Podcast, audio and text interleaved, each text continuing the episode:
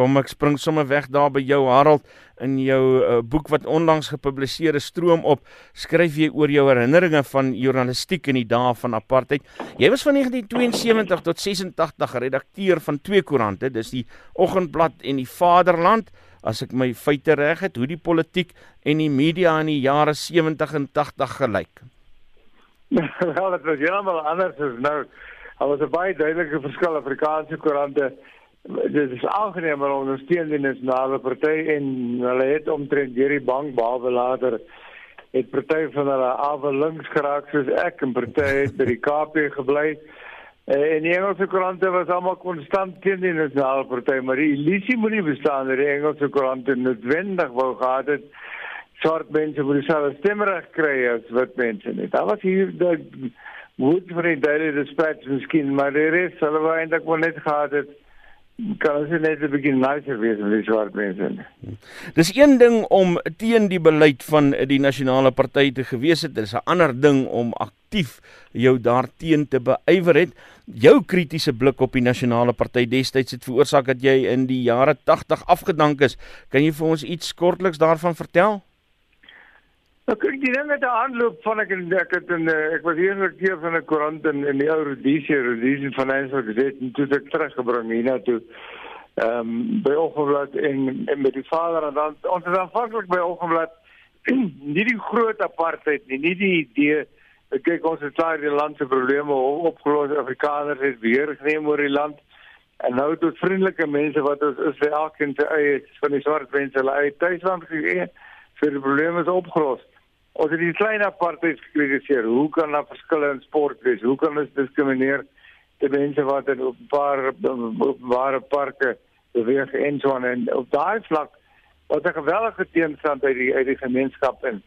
My vrou en ek, gelukkig nie my kinders nie, is by die huis bedreig met oproepe en dreigemente dat alles van ons gedoen geword. Die groot geveg het eintlik begin Ehm um, en John Forster was baie omgekrap oor baie van die goed wat ek geskryf het en ek het direk met hom in stryd getree slag of wat of hy het my eerder gesê dat ek nie so voor heb waar wees nie.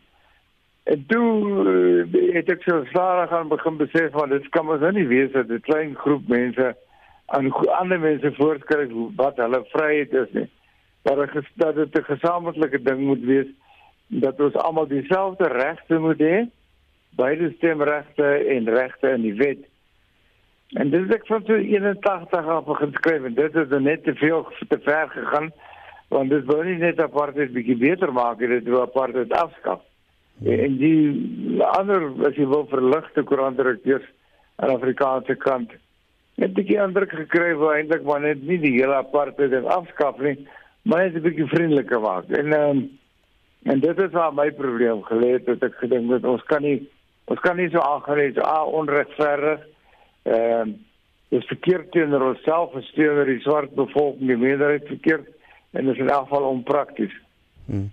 Dirk, ek wil ehm um, nou nou by jou kom om so 'n bietjie vir ons uh, meer te vertel oor die hele proses wat dit voor afgeloop en maak of vir jou so 'n bietjie uh, ek wil jou vra om ons so 'n bietjie in die prentjie te bring en te bring en te probeer laat verstaan hoe gebeur dit dat 'n uh, groep mense wat uh, net te lank voor dit self eh, 'n uh, soort van verdrukking gehad het en 'n goeie herinnering daaraan gehad het, uh, basies dieselfde ding en nog erger gaan doen daarna.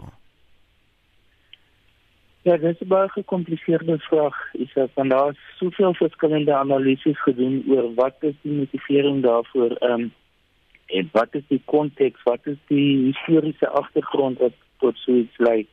Ehm um, ek dink sommige aspekte wat gesproke gekom het is dat ehm um, dit was die vroeë 30s was die periode van die groot depressie. Ehm um, dit het gelei tot 'n verstedeliking van baie Afrikaanssprekendes. Ehm um, hulle is in 'n groot mate ontwortel van hulle eie omgewing.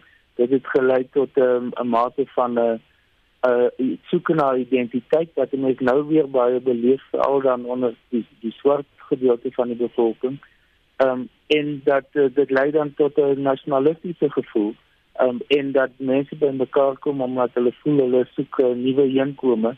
Ehm um, en dit is in 'n groot mate hoe die Afrikaner nasionalisme uh hier rondom die 1930s en die 1940s baie sterk geword het. Ehm um, dit was natuurlik gesien in die konteks van wat wat dit minderheid is teenoor swart wat 'n groeiende meerderheid is. Uh, dit het te maak met die Afrikaans Engels, dit was 'n baie belangrike faktor. Uh, en dit is die mens gesien met die verkrampte aanslag later dat dit teruggekom het en na in die wording. Um, en dit alles was insette wat uh, die idee van die nasionale party se ideologie uh, laat ontwikkel het. Um, ek dink dit het te maak gehad ook met uh, daar was 'n godsdienstige dimensie by betrokke uh, wat die motivering was om te sê wel dit is nodig dat uh, veral Afrikaans sprekendes dat uh, hulle nie het in Suid-Afrika om uh, almal al die res in Suid-Afrika te probeer uh, kersten of, of om na die resendingproses te gaan om hulle te, te red um, en dat daar dat die Afrikaans sprekendes die uitverkorenes was die mense wat geroepe was um, om dit te doen. So dit nou 'n absolute metodop dink ek sommige van die die denkrigtinge wat daar bestaan het vanaf die die 1930s um veral die 1940s met die 1948 verkiesing um en daarna veral dokter Verwoerd tot in die tot in die middel 60 um wat verskillende motiverings gehad het of verskillende aanknopingspunte gehad het en soms 'n bietjie verskillende perspektiewe gehad het die, die meer konservatiewes die verkramptes versus die verligtes dit was 'n konsep wat gebruik is binne die nasionale party um, en wat 'n onderskeid gemaak het oor aspekte soos byvoorbeeld Afrikaans-Engelse samewerking, immigrasie, sport en swart persone wat deelneem aan sport. En 'n verskeidenheid van ander goed, boonbehalwe natuurlik die groot vraagstukke soos byvoorbeeld die tuislandbeleid. Toe kom daai uh paleisrevolusie met uh PW Botha se beroerte. Kan jy vir ons so 'n bietjie iets daarvan vertel, so 'n bietjie agtergrond daaroor gee? Ja, as as ek moet uh, nou miskien net aanlei.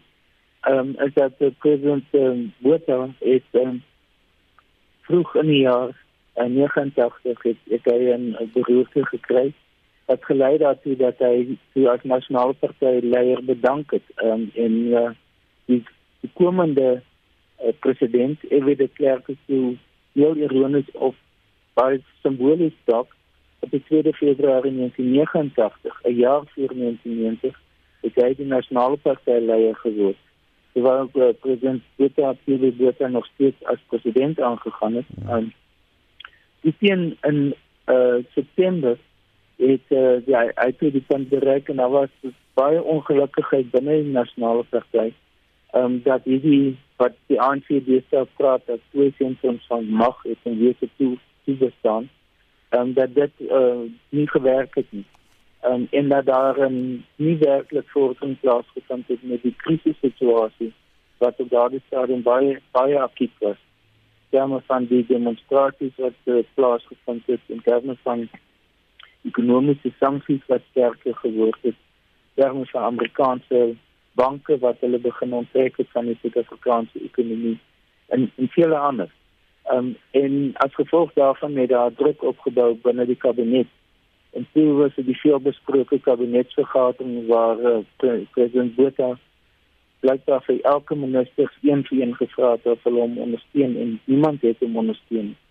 En toe het hy 'n redelik groot woede het hy bedank as president en onmiddellik daarna dis in September gewees is nie nie ewe die plek is is hy toe gekies as president.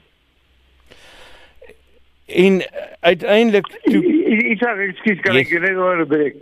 Ek ek wil net vanaand terug gaan na wat Dirk se verduideliking en jou vrae oor hoe kon die Afrikaner in die meerderheid gedoen het wat vroeër en hom gedoen het. Ja, seker. Ek ek luister graag na wat uh, Dirk sê, maar jy weet as in daai tyd groot geword het, was die antwoord baie eenvoudig en ek is jammer baie brutaal. Die kwessie van regte vir swart mense was nie 'n kwessie nie. Ons wil nie maak asof ons nou skielik agterna terugkyk en sê ons het se baie omgegee. Dit was nie 'n kwessie nie. Nergens waar wit mense regeer het in die ou koloniale moondhede was dit 'n kwessie nie. Die Afrikaner het die mag teruggekry in 1948 wat hy verloor het uh, in, in 1902 en dit het 'n geweldige stuwing gegee aan nasionalisme. En daardie Afrikaner en nasionalisme het gesê nou dat ons die land teruggevat het van die Engelse, swart mense het nie getel nie. Gaan ons dit waaragtig nie nou weer afstaan aan die klop swart mense nie. Kort en klaar is dit waaroor dit gegaan het en die poging tot afsonderlike state uh, was 'n manier om dit te probeer om daarby verby te kom. En wat weer gedoen het is om te gesien het aan die einde van 89, oormagtig dit gaan nie werk nie. En ook omdat daar Afrikaners 'n groeiende gevoel was wat ons doen, is net plainweg verkeerd en onprakties. Maar moenie dink dit was iets anders as dat Afrikaners Afrikaners was nie van plan om die mag af te gee nie. Baie dankie, dis Harold Bakendorf wat so praat. Kom ons kom op daardie dag 2 Februarie 1990, uh toe oud president F.W. de Klerk uh amper in weerwil van die feit dat uh nie almal die uh sy planne gesteun het nie toe daardie afkondiging gemaak het. Uh, Harold het dit die media onkant betrap. Kyk, ek was toe nie meer by die media nie. Ek het toevallig die oggend by 'n uh, 'n vriend uh, van sy saber het my die oggend geskakel en gesê dit gaan gebeur. Hy hoor dit uh, van net die ambassade in Londen. So ek ek het ek het definitief gesit en luister en geweet dat dit gaan gebeur en ek was sekerlik is ek onkant gevang en natuurlik die media onkant gevang. Die hele nasionale party kokes is onkant gevang. Ek weet met niemand daaroor gepraat waar was die kabinetslede en hulle voorberei en hulle saamgeneem. So mense kan twee dinge sê dit was 'n ondemokratiese besluit dat deur eintlik een man geneem is en toe sy span agter hom gekry het sy eie party, formele partylede in die parlement het nie geweet hoe of waar gesê daaroor nie. Agterna het hulle dit gesien en toe het mekaar iets gebars. maar dit was 'n ingrypende stap stap wat moontlik as ondemokraties beskou kan word aan mense sien se absolute noodsaaklike ene. Dirk, verduidelik vir ons bietjie wie was EW de Klerk want dit was eintlik teen uh, dit dit dit ingedryf teen die politikus wat hy in daardie stadium was, uh die besluit wat amper soos 'n Damascus ervaring volgens sommige gekom het. Ja, hy was een van die meer junior lede van die kabinet gewees. Hy was nie een van die die die senior persone daar nie. Hy was op daar op 'n stadium op kort in daardie periode was hy minister van nasionale opvoeding gewees. Uh wat nog daar onder andere kontroversiële aspekte ingesluit het want hy het uh, het het, het sekere ver, veranderings wou het teweegbring. Ehm um, hy was glad nie deel van die staatsveiligheidsraad nie. Hy was nie betrokke by ek het nie alle vergaderings bygewoon nie. Hy was dus nie bewus van die omvang van die noodtoestand ehm um, in in in soveel details soos die ministers wat wat deel van die sekuriteitsgroepering was nie. Ehm um, hy was ook nie bewus van die onrandelings wat agter die skerms plaasgevind het nie. Die van Kobe Kutsie met Nelson Mandela aan die tronk of van ehm um, die ANC met die nasionale intelligensiediens meeste van haar gesprekke was in uh, Switserland gewees nie en ek weet nie tot watter mate hy betrokke uh, betrek was by of geweet het van die onrandelings van die die groepering wat Willie Estreise en sy broer Willem de Klerk en ander ingesluit het in in uh, Brittanje. Ehm um, so hy het nie werklik besef van die voorbereidings wat besig was om plaas te vind die afgelope 3-4 jaar voordat hy ehm um, president van die land geword het. En so uh, hy het 'n bietjie vanuit die in vanuit die koue aangekom om hierdie taak oor te neem en om te besef wat werklik die omvang van die militêre en die polisie optrede was. Daar's nou nog mense uh, die SMS'e stroom in uh, met daardie trant. Ek gaan een lees. FW de Klerk, Roofmeyer, Pikbota en Trawante het hulle eie nasie uitverkoop en verraai. Kyk hoe lyk ons land en hulle eie mense vandag. Hulle hoort op Robben Eiland. Daar is baie sulke SMS'e wat vanoggend instroom en as ons die soortgelyke gesprekke het. Uh, Dirk, uh, dis 'n ou vraag in 'n uh, sekere holriggeryde vraag, maar kom ons vra dit maar het ons 'n ander keuse gehad. Waartoe sou mens anders gaan? In, in my gemoed was daar nie 'n ander keuse nie. Um, ek het gisterand al daaroor gepraat. As sodra wat daar 'n dialoog begin plaasvind of die voorwaarde vir vir enige vorm van werklike dialoog nie om net 'n bietjie voete te vind nie maar vir werklike dialoog um, kan net plaasvind as daar aan albei kante 'n gevoel is van daar se dooiepunt en dat die dooiepunt albei seer maak. Dis nie net na die een kant toe waar die dooiepunte impak het.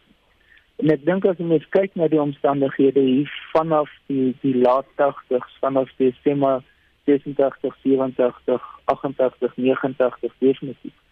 Het daar so 'n krisis opgebou. Um, en dit het beide die nasionale party en regering geraak sowel as die oppositie en die oppositie nie die PSP oppositie maar die oppositie van National Democratic Movement die UDF die ANC om konservatief te almal van hulle saam.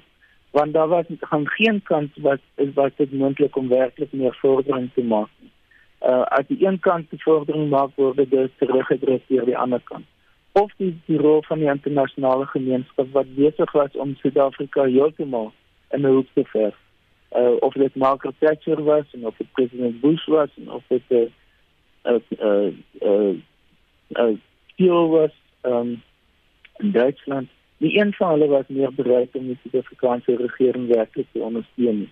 En daai boodskap het baie duidelik uitgekom toe Evie de Klerk in in 1989 nadat hy NP-leier geword het op 'n tipe van 'n internasionale toer gegaan het en met Thatcher ontmoet het, Bush hom nie ontmoet het nie en hy begin dit sê maar die die ondersteuning van die ou tradisionele ondersteuners van die nasionale party is besig om te verdwyn. So dit dink ek wat deel van die agtergrond van die drukkragte wat daar was um, vir meneer Evie de Klerk om om sy aankondigings te kon maak.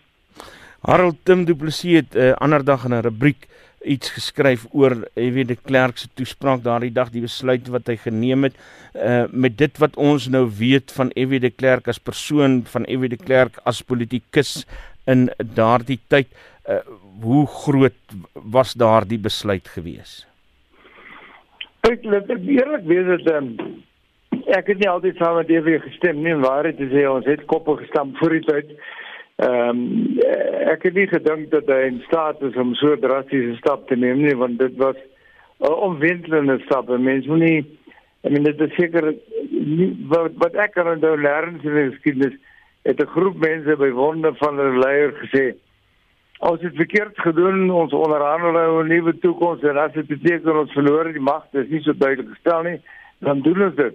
Eh uh, daar kan eintlik nie 'n meer drastiese stap wees in die geskiedenis van 'n stel mense nie. En ek moet daar agterna sê dat ek weer eer daarvoor, hoewel ek sê ek van tevore gedink het ja, in staat is om so drastiese stap te neem. Nie. Dirk, eh, so laaste opmerking, kom ons vergelyk uh die verlede met die hede. Uh daar's baie Suid-Afrikaners wat sê ons is polities vry, maar ekonomies en andersins nie. Jou opmerkings daaroor? Ja, dan dis dis 'n groot debat Um, en ek dink die, die die die meer belangrike deel van daardie debat is is dat die ongelykheid as hulle nou die sogenaamde Gini koëffisiënt gebruik, is dat dit eintlik beter besig is om groter te word, die die, gaping. Ehm um, so dit is nie dat dit is 'n 'n nalatenskap van apartheid wat nog net nie van ontslaag kan word nie. Dit is 'n dit is 'n lewendige beweging, dit is 'n lewendige tendens in ons gemeenskap. Ehm um, en dit iets wat dus ekstra baie aandag moet kry. Um so om om daardie rede is dit 'n uh, so ek sê is is dit iets wat mense op fokus om te sê maar het dit werklik die resultate gelewer van wat wat wat mense in 1990 verwag het. Ek dink egter as 'n mens iemand vat wat in 1990 geleef het en toe die land verlaat het of weg is en vandag terugkom en sien hoe Suid-Afrika vandag is gaan totaal al verras is. Die die konstitusionele landskap is totaal iets anders. Die politieke landskap is totaal totaal iets anders. Hmm. Groot deel van die sosiale landskap is totaal iets anders. Gaan kyk hoe veel net hoe lyk universiteite deesdae, die demografie van universiteite. Die swart middelklas wat ontstaan gekom het. Dit is alles gevolge van van daardie periode van die 1990s in die onderhandelingsproses. So aan die een kant is daar groot groot probleme wat uitstaande is. hoofsaaklik rondom verstedeliking en en ekonomie en hoe om die twee prosesse by mekaar te bring. Maar terselfdertyd is daar 'n radikale verandering wat reeds in Suid-Afrika plaasgevind het.